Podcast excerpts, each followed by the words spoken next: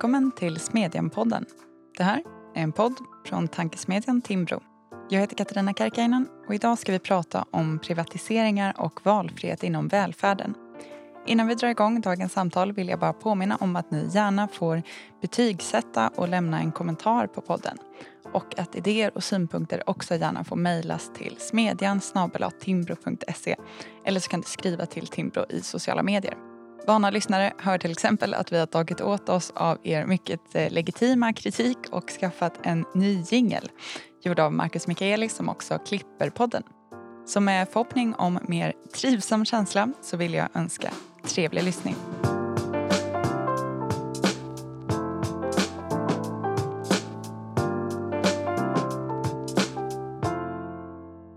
30 år efter valfrihetsreformerna som öppnade upp den offentliga välfärden för privata utförare och 10 efter nästa reformvåg under alliansregeringen så är företagande inom välfärdssektorn på många sätt en självklarhet. Drygt var fjärde gymnasieelev går i en friskola. 40 av vårdcentralerna drivs i privat regi. Samtidigt har de senaste åren fler kritiska röster väckts, även inom borgerligheten. Vad handlar kritiken om? Vilka effekter har privatiseringarna fått på kvalitet och annat inom vård, skola och omsorg? Och vad skulle behövas för ytterligare reformer? Det ska vi prata om idag och det gör vi med Emanuel Örtengren, välfärdsansvarig på Timbro. Välkommen! Tack så mycket. Mårten Blix, fildoktor i nationalekonomi från Stockholms universitet och forskare på Institutet för näringslivsforskning. Välkommen! Tack! Och Claes Tikkanen, operativ chef på Nordic Capital. Välkommen! Tack så mycket. Jag ska också tipsa om att Smedjan nyligen har publicerat en essä om det här. Rubriken “Privatiseringarna har gjort välfärden bättre” indikerar kanske riktningen. Den är skriven av Emanuel Örtengren och finns länkad i avsnittet. Och I den så skriver du, Emanuel, Privatiseringar är inga universallösningar som kan fixa alla välfärdens problem men de är betydligt bättre än deras rykte idag gör gällande. Vi kan ju börja med det ryktet, tänker jag. Det har nog inte undgått någon att det har skett ett visst skifte av fokus i debatten. I början av förra året så började fler och fler borgerliga politiker och debattörer att ifrågasätta delar av friskolesystemet framförallt kopplat till själva konstruktionen och till exempel betygsinflationen men i viss mån också för själva möjligheten att ta ut vinst. Och under året har också aktörer förvisso mestadels med viss vänsterlutning men också vissa andra tagit tillfället i akt kanske att, att kritisera privata aktörer inom äldreomsorgen och vården. Och det verkar ändå som att det är någonting i retoriken som har förändrats. Även konservativa skriver att det är dags att göra upp med det välfärdsindustriella komplexet.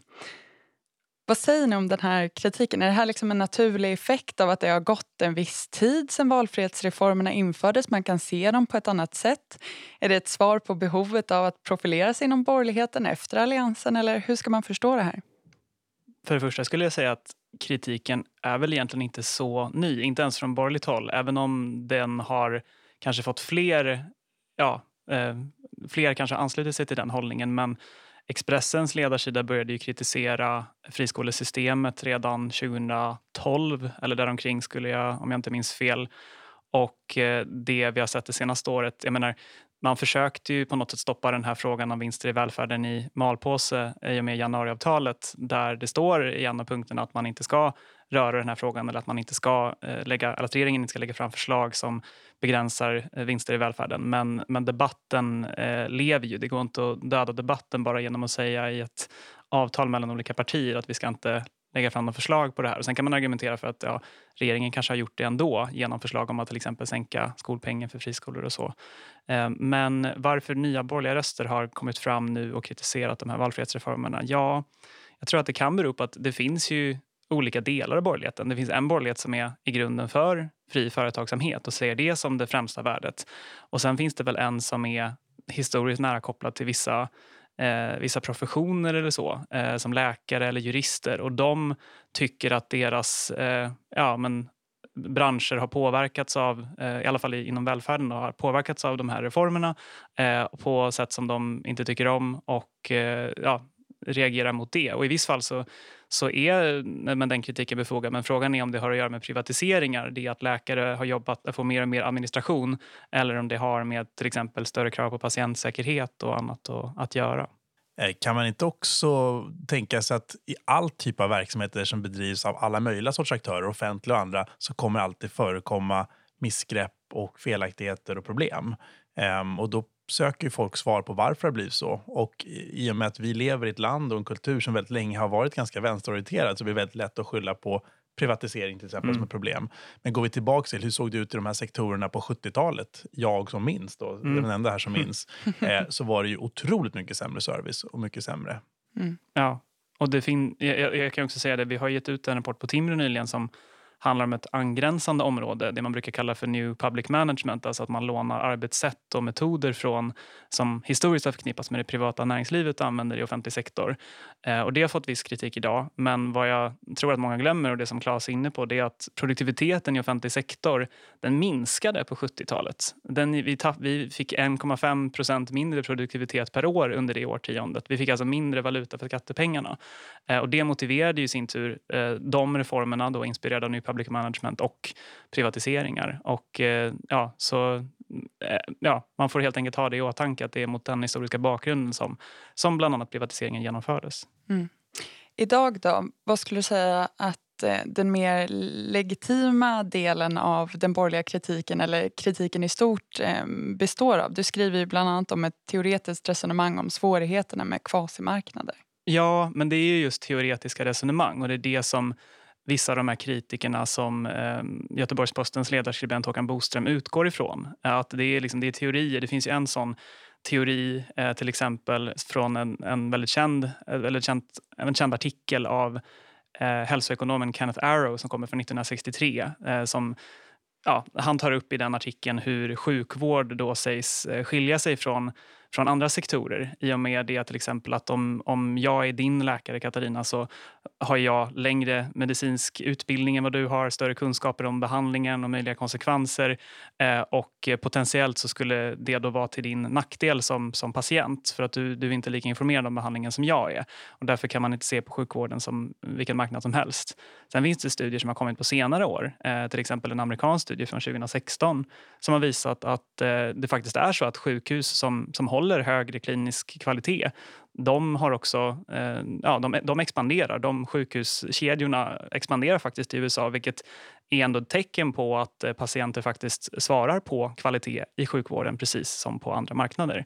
Eh, så man, man kan inte bara förlita sig på sådana här teoretiska argument om att de här välfärdsmarknaderna inte är som andra marknader. Och det säger man då är för att det finns inte en direkt relation mellan konsument och producent. Det är inte så att vi betalar, eller för det mesta i alla fall, att vi betalar med egna pengar i välfärden utan det är indirekt genom skattsedeln. Eh, men man kan inte bara luta sig tillbaka med det argumentet och säga att ja, men i teorin så är det så här, utan man måste titta på, på empirin. Och det är bland annat det som, som Mårten Blick, som kommer in här lite senare i samtalet, har gjort eh, och som vi kommer att komma in mer på.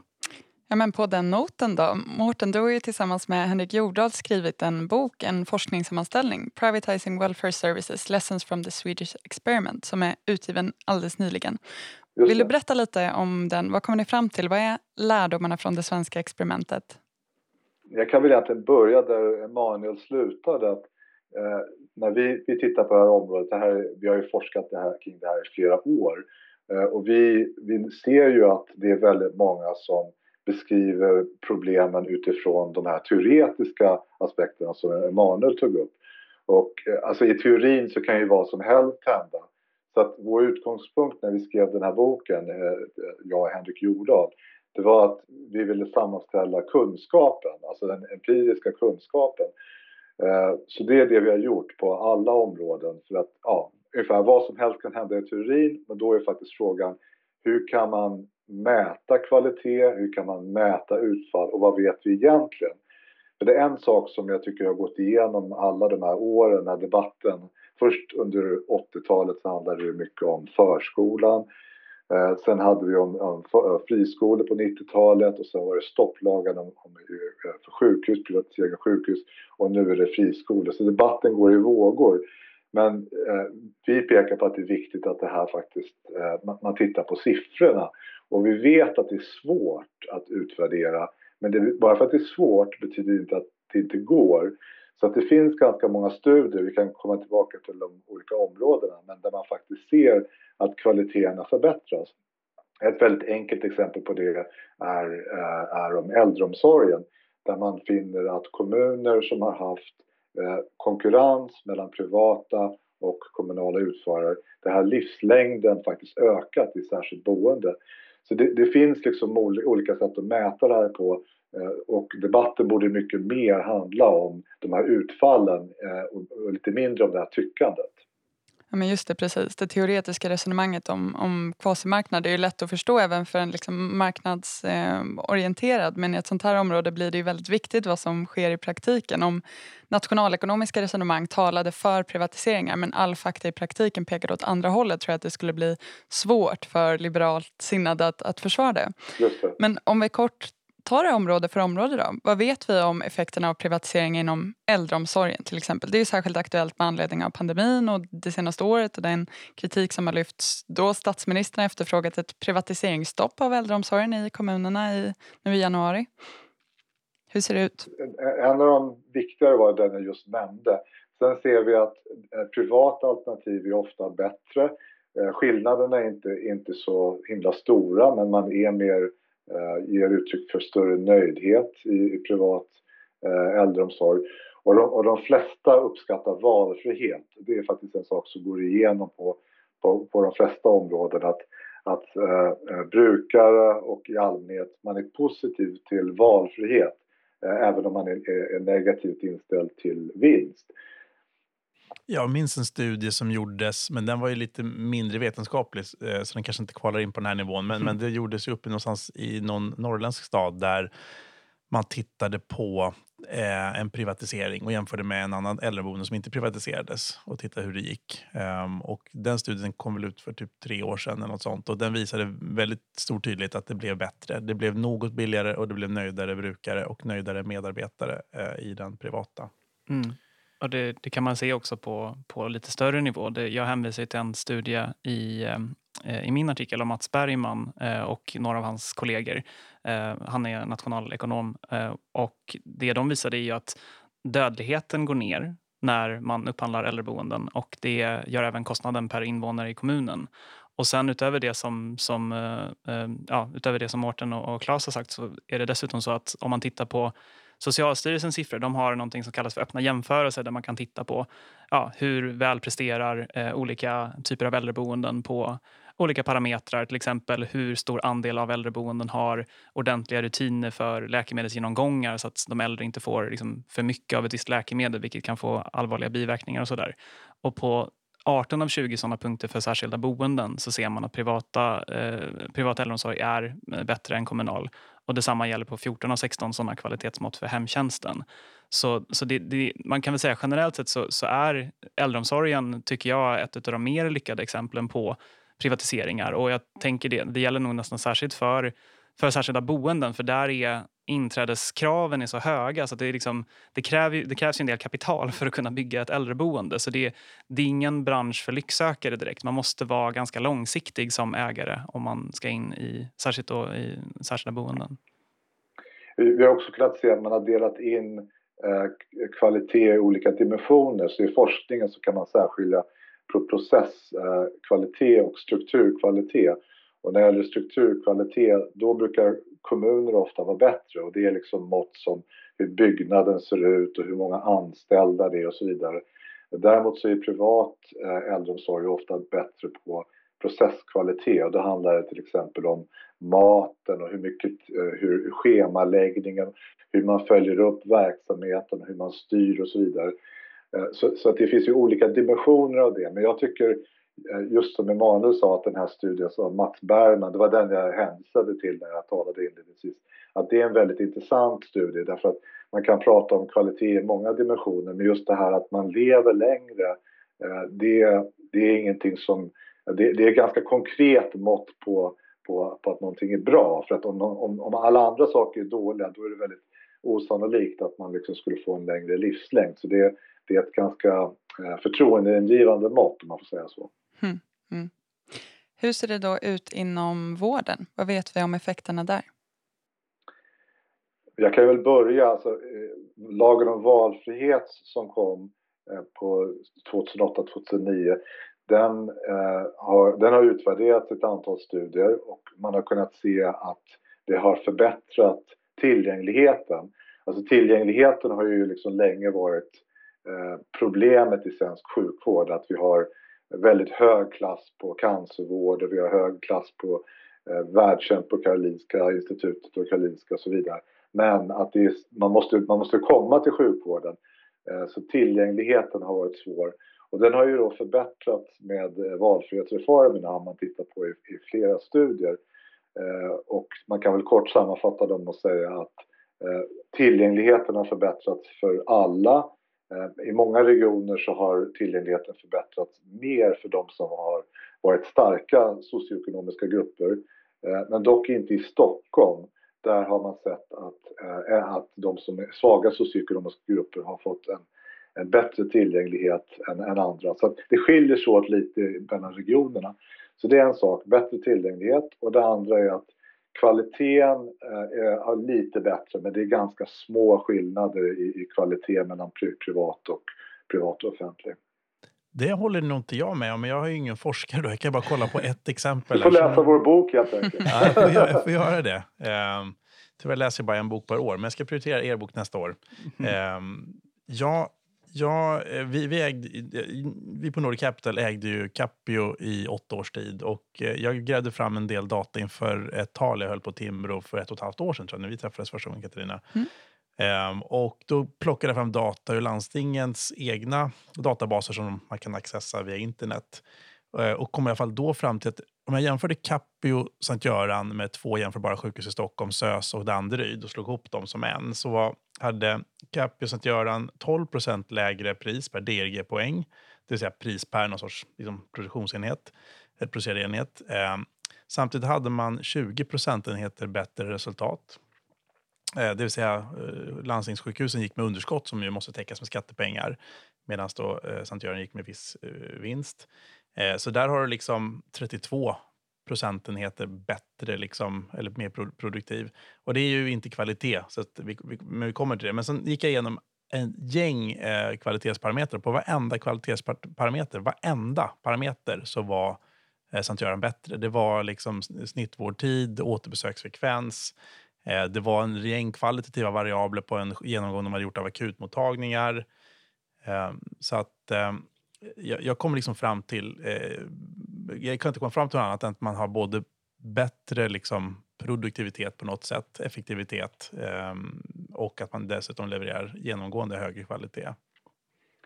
Alltså jag, kan hålla med dig det där om, om produktiviteten. Så det jag talade om det var, det var just kvaliteten. Eh, och där, jag kan ju tipsa om i vår bok, där har vi gått igenom alla de här studierna som är, är publicerade i, med liksom all, konstens alla regler och där står de resultaten så det kan man kika på. Men när det gäller produktiviteten, där har du rätt att, att där finns det studier som visar att, att Capio är mer produktiv än motsvarande sjukhus i, i Stockholmsregionen.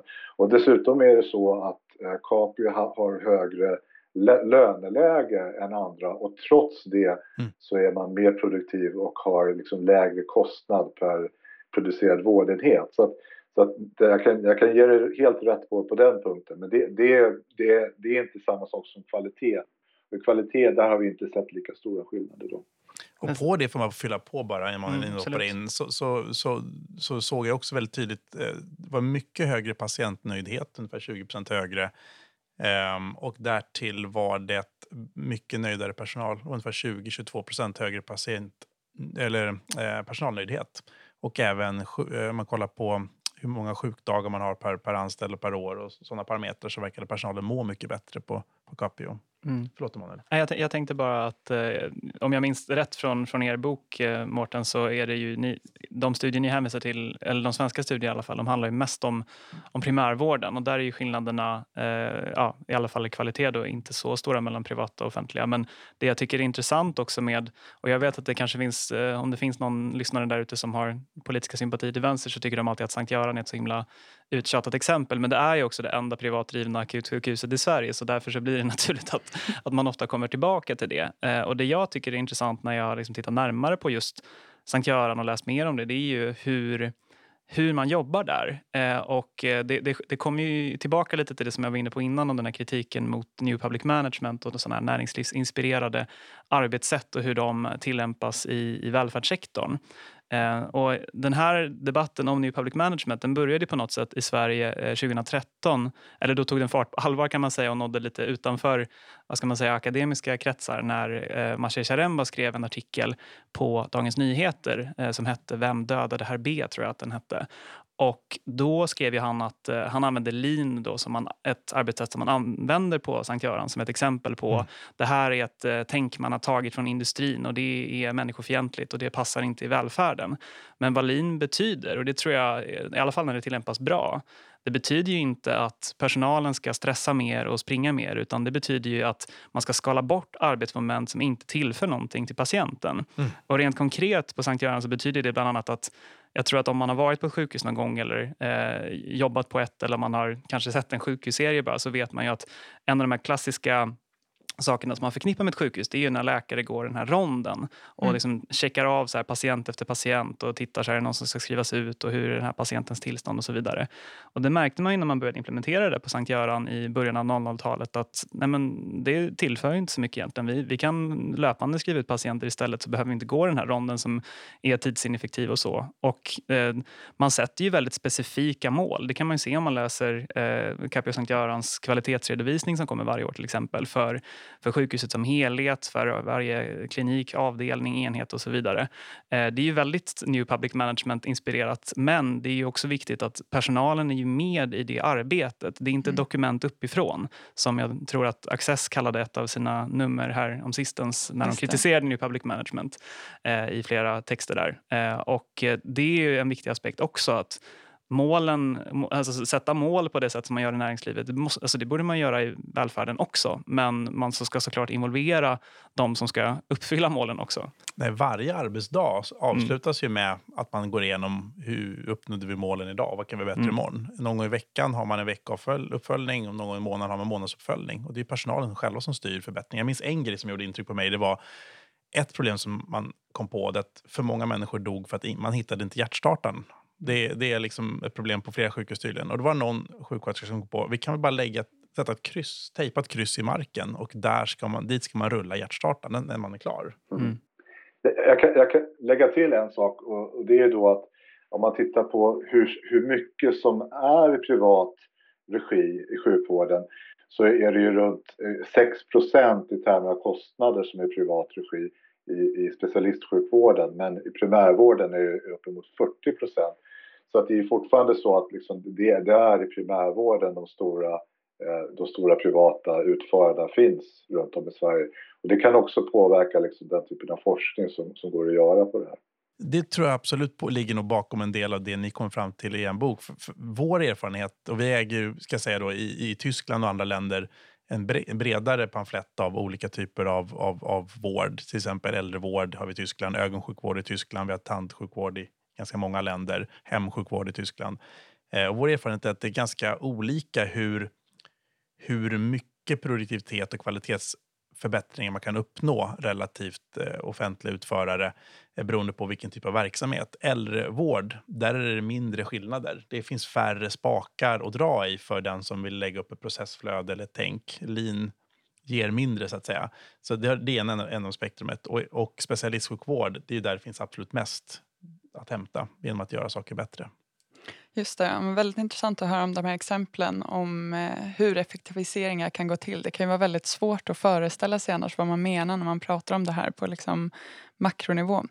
Vi behöver däremot röra oss vidare. Eh, det område som har varit mest utsatt även för borgerlig kritik är ju skolan. Eh, och jag tror att de flesta kan skriva under på att det finns ja, brister i skolsystemets utformning. Men vad säger forskningen om skolvalet och friskolornas effekter? Det, eh, det övergripande man kan säga är väl att det finns ju en massa problem inom skolan. Eh, men det är fel att skylla dem alla på, på friskolereformen. Eh, man brukar till exempel tala om att skolan sedan 1990-talet har blivit mindre likvärdig. Alltså att resultatskillnaderna mellan olika typer av elever har har ökat. Eh, och det stämmer, men bara om man tittar på både inrikes och utrikesfödda elever.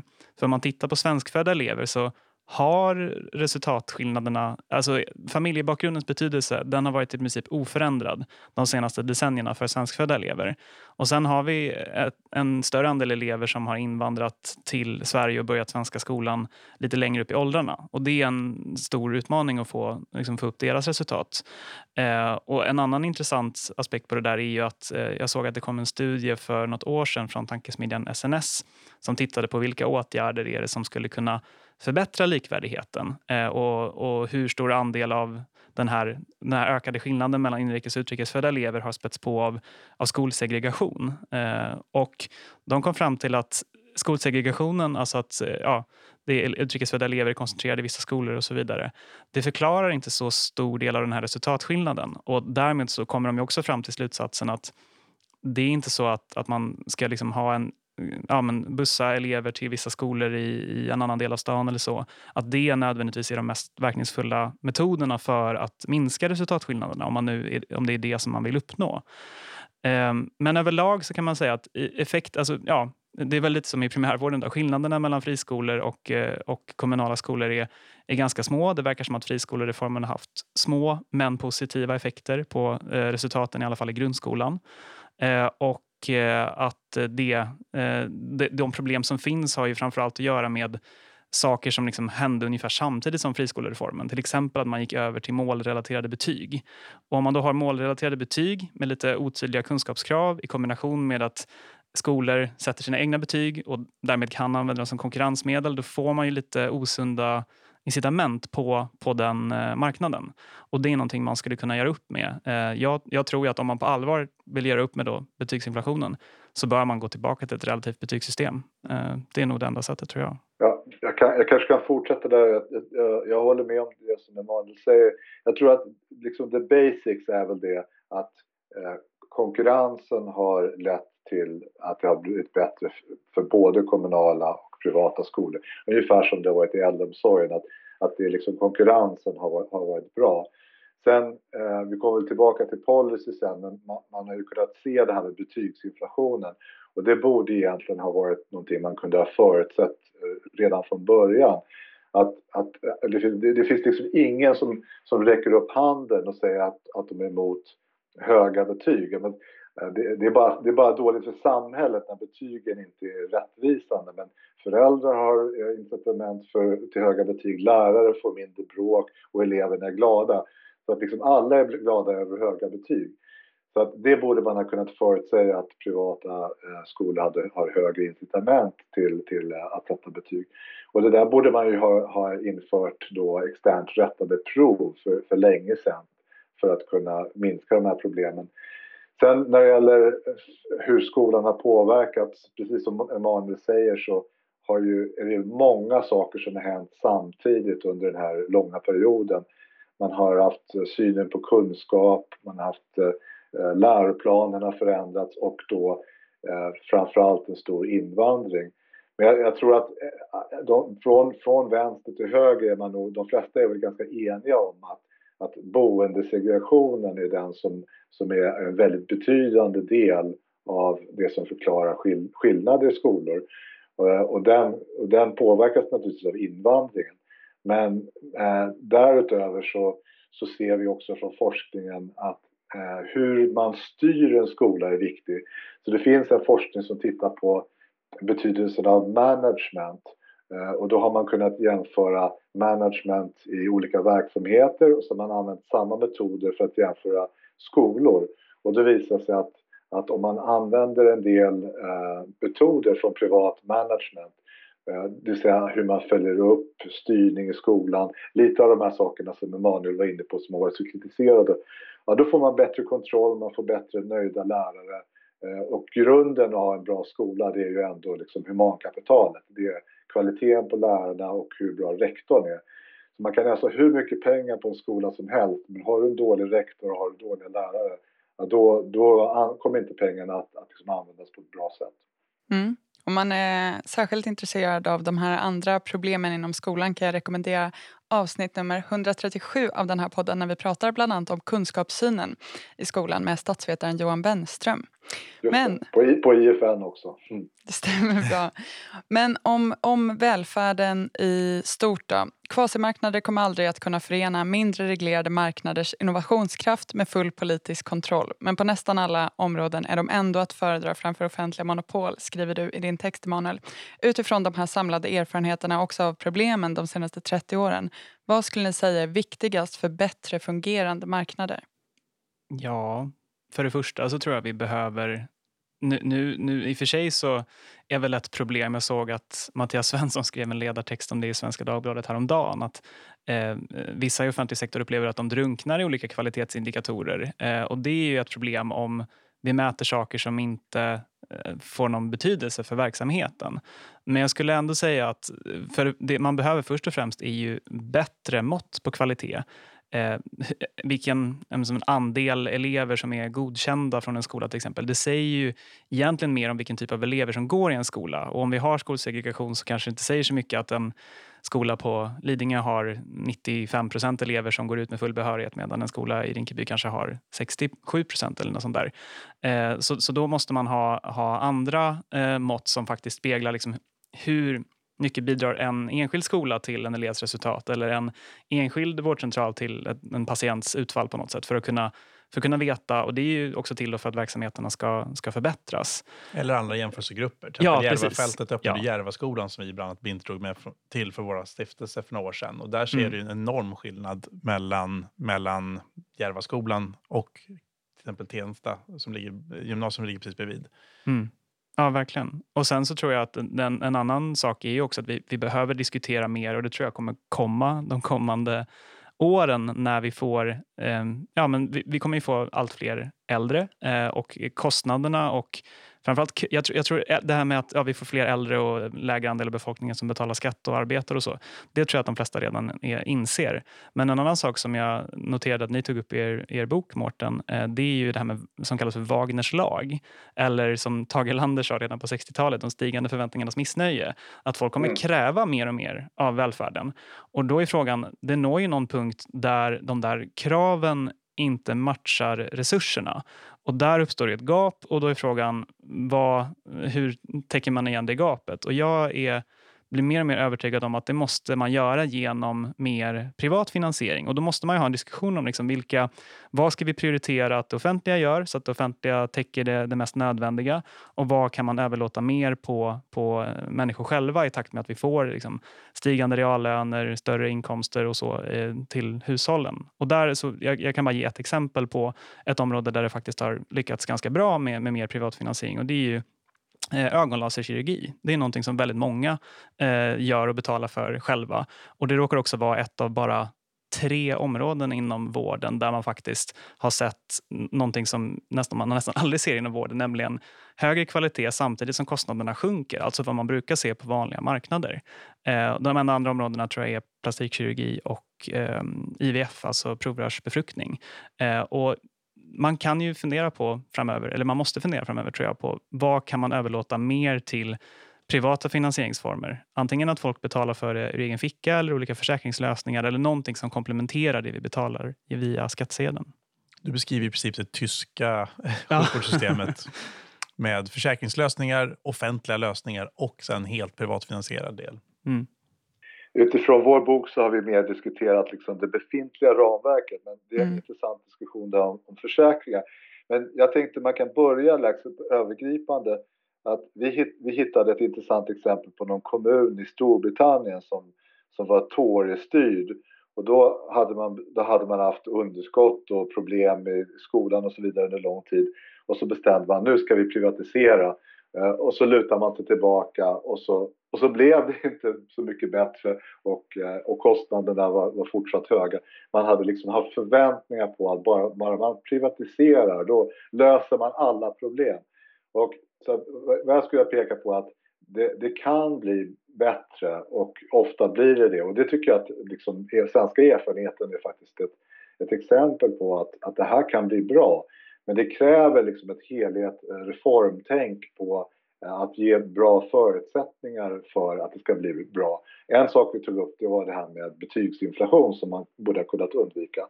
Men eh, punkt ett då, det eh, ska jag sätta konkurrensneutralitet. Att eh, det finns exempel på att eh, man eh, låter offentliga aktörer gå med förlust, till exempel primärvården finns det sådana exempel.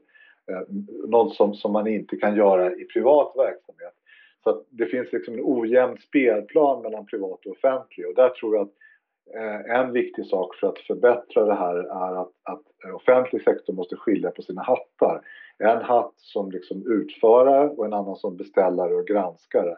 Den, den biten eh, borde vi förbättra. En annan sak, också på, på granskning, med kommunsektorn, om man lägger ihop regioner och kommuner så är det ju tu, tusen miljarder Eh, av, av mycket av det går ju till, till välfärden. Eh, men, men den eh, sektorn granskas ju inte alls lika ordentligt som, som statliga myndigheter och också regeringen. Vi har ju på statliga myndigheter granskas ju Riksrevisionen som har ett tungt mandat från från, från riksdagen att, att granska hur pengarna används. I, I, kommuner så har vi förtroenderevision eh, Eh, och liksom det, det, är viktigt att den utförs men det, det är ju inte lika starka muskler att granska som, som det sker på statlig nivå. Och där tror jag man måste ändå fundera på att, att en så stor andel av, av välfärden utförs eh, som inte granskas ordentligt. Och man skulle kunna tänka sig olika typer av reformer. Förutom att ha en hårdare granskning så skulle man kunna ha till exempel eh, besök, oannonserade besök. Eh, så att liksom det inte går att liksom förbereda inför det här när inspektorerna kommer. Eh, och, och, dessutom då för trovärdighetens skull, om man finner att en verksamhet är dålig, ja men stäng den då. Att liksom, låt inte saker och ting rulla på. Det tror jag borde vara viktigt både i offentlig verksamhet och i privat verksamhet. Så att det liksom, man har en neutralitet. Är verksamheten inte bra så ska den inte få fortgå. Vi behöver alldeles strax börja runda av. Jag hade tänkt fråga en massa fler saker men vi hann väldigt snabbt behandla vissa av de ämnena om eh, med behovet av effektiviseringar och sinande resurser, demografiska utmaningar och behovet av privatfinansiering framöver vilket jag tror att vi kommer, eh, precis som du säger Manuel, behöva komma tillbaka till även i det här forumet. Avslutningsvis är jag dock nyfiken på, när du var här senast Claes, så berättade du att eh, ni bestämt er för att inte göra investeringar i vård i Sverige framöver på grund av ja, den politiska risken, diskussionen om att begränsa valfriheten. Vad skulle kunna få er att komma tillbaka igen? Jag måste ge lite mer bakgrund till det. Vi har investerat i hälso och sjukvård i väldigt många länder som investerare och eh, som affärsutvecklare och företagsutvecklare. Eh, och ägde Capio Sankt Göran och Capio, hela Capio i åtta år. Eh, men ja, vinstdebatten var skrämmande. Vi vi liksom är ju här för att, gå, för att skapa vinster. När man gör det och man tror på marknadsekonomi, vilket jag tror på, så skapar man också väldigt mycket mer. Och det är bara att titta på Sankt Göran. Nöjdare personal, nöjdare patienter, mycket lägre kostnader för, för, för landstinget, bättre för alla. Eh, men när då kommer någon och säger att nej, men vi ska konfiskera konfiskera företaget, er vinst. Eh, det, det, är ju väldigt, väldigt skrämmande för, för en privat ägare. Eh, och vi förvaltar kapital för investerare från hela världen. Vi kan inte se dem i ögonen och säga att vi tänker ta den här typen av politisk risk med deras pengar. Så att när vi bestämde ganska snabbt i samband med det här att vi skulle sälja Capio, vi gjorde det, det börsnoterades ju eh, för några år sedan eh, och vi investerar numera bara utomlands i den här typen av verksamheter. I Tyskland äger vi fyra vårdkedjor som, som är paneuropeiska. Ögonsjukvård, äldresjukvård, hemsjukvård eh, och tandsjukvård. Um, och det som skulle behövas för oss att komma tillbaka till Sverige, det är nog med den här typen av investering, vi gör ju annat i Sverige, eh, det är nog en ganska lång tid med lugn och ro eh, med utan företagsfientlig och ägarfientlig och investerarfientlig retorik från politiker. Eh, utan för stora kast i regleringar. Det gäller både detaljregleringar och även i saker som beskattning till exempel. Liksom lugn och ro helt enkelt. Om ni alla får lov att eh, sia, då, vad tror ni kommer hända framöver? Ser ni mer eller mindre privata inslag på era horisonter och vilka andra förändringar kan man tänka sig framöver? Jag ser ju tyvärr mindre, tror jag just nu. Det är en ganska tydlig vänsterpendel över hela världen, så även i Sverige. Folk har glömt hur illa det var när vi alla var väldigt mycket med vänster som land. Ehm, jag tror tvärtom dock att det behövs mer. Jag skulle nog vilja gå lite längre än Emanuel här eh, och, och, och, och, säga att jag tycker all sjukvård, jag kan nog mest bara sjukvård, ska, skulle privatiseras. Givet de siffror jag ser framför mig och givet det sätt på vilket det är privatiserat i landstinget i Stockholm idag, som jag tycker är ett ganska liksom, rimligt bra sätt att göra det på, så kan jag inte se varför någon sjukvård skulle vara, eh, bedrivas i offentlig regi. Men jag tittar på siffrorna. När jag summerar ihop alla de här grejerna och lägger på mjuka faktorer så kommer jag nog fram till att Sankt Göran är nog mellan 50 och 70 procent mer produktiv om man räknar in nöjdhet och liksom mer mjuka faktorer. Eh, och vi, vi har en, en, en explosion i kravbild från konsumenter. Skatteintäkterna kommer inte gå upp så mycket. Vi har en åldrande befolkning som kommer kräva mer eh, även vid samma kravbild. Så liksom bara fysiskt kommer det vara mer krämpor och annat som behöver fixas. Vi har mer och mer läkemedel, mer och mer metoder för att bota folk. Så folk kommer inte nöja sig med att ligga och dö för någonting man dog av för 20 år sedan. Eh, och lägger man ihop allt där så tror jag att kommunalskatten och landstingsskatten skulle behöva vara säkert uppåt 30-40 eller 40-50 procent. Det finns ju flera studier på, på det. Eh, och det, det kommer ingen vilja betala. Och då tror jag privat finansiering, men jag tror också en ganska omfattande privatisering av produktionen behövs. Om man ska fortsätta på sjukvården så tycker jag en av de svåraste bitarna där jag är mest orolig det är hur vi ska införliva digital vård i den offentliga vården Eh, ersättningssystemen. Vi har ju haft en del eh, framgångsrika och kanske kontroversiella privata nätläkarbolag, till exempel Kry som expanderar i Europa och vi har till exempel Mindler som sysslar med, med digital vård mot psykisk ohälsa som också expanderar i andra länder. Men alltså hur, det här är innovationer som underlättar tillgängligheten. Ändå så har det varit svårt att integrera eh, den här typen av innovationer inom ramen för den offentliga sektorn. Och, och, jag ser en risk nu att vi går mot liksom större och större aktörer. Eftersom vi inte har den här gemensamma infrastrukturen så, så blir det svårt för små aktörer att komma in och leverera innovativa lösningar. Vi talade tidigare om det här med förväntningar och jag tror att en av de sakerna som, som har skett och som fortsätter att ske det är att medborgare förväntar sig att kunna kontakta välfärden och offentlig sektor på samma sätt som man kontaktar privat sektor. Det vill säga, det ska vara enkelt och snabbt eh, i telefonen. Eh, och, och, och på sjukvården har det, har det gått åt det hållet, i primärvården. Men det kan, det kan mycket väl liksom, eh, vara så att vi sabbar den här reformen att om, om man inte liksom införlivar Eh, digital vård på ett bra sätt. Och där tycker jag the jury is still out där om, om det här kommer att lyckas eller inte. Mm. Då får väl jag försöka vara lite mer optimistisk då, avslutningsvis. Eh, jag tror, ja, för att citera Jan Stenbeck, att teknik slår politik och att eh, de här kraven till slut kommer växa sig för stora på att eh, vi kan inte ha en välfärd som bygger på ransonering eh, i all evighet utan till slut så kommer kraven tvinga fram förändringar och jag tror att i vissa sektorer, och då tänker jag nog framförallt på äldreomsorgen, så börjar man även i i socialdemokratiskt styrda kommuner runt om i Sverige inse att vi kommer inte klara av att bygga ut tillräckligt många äldreboenden som vi behöver de närmaste åren utan privata initiativ, utan privata företagshjälp. Det är två av fem nya äldreboenden som byggs av privata aktörer och den andelen kanske kommer bli ännu större de kommande åren för det, de bygger ofta billigare helt enkelt och, och minst lika bra.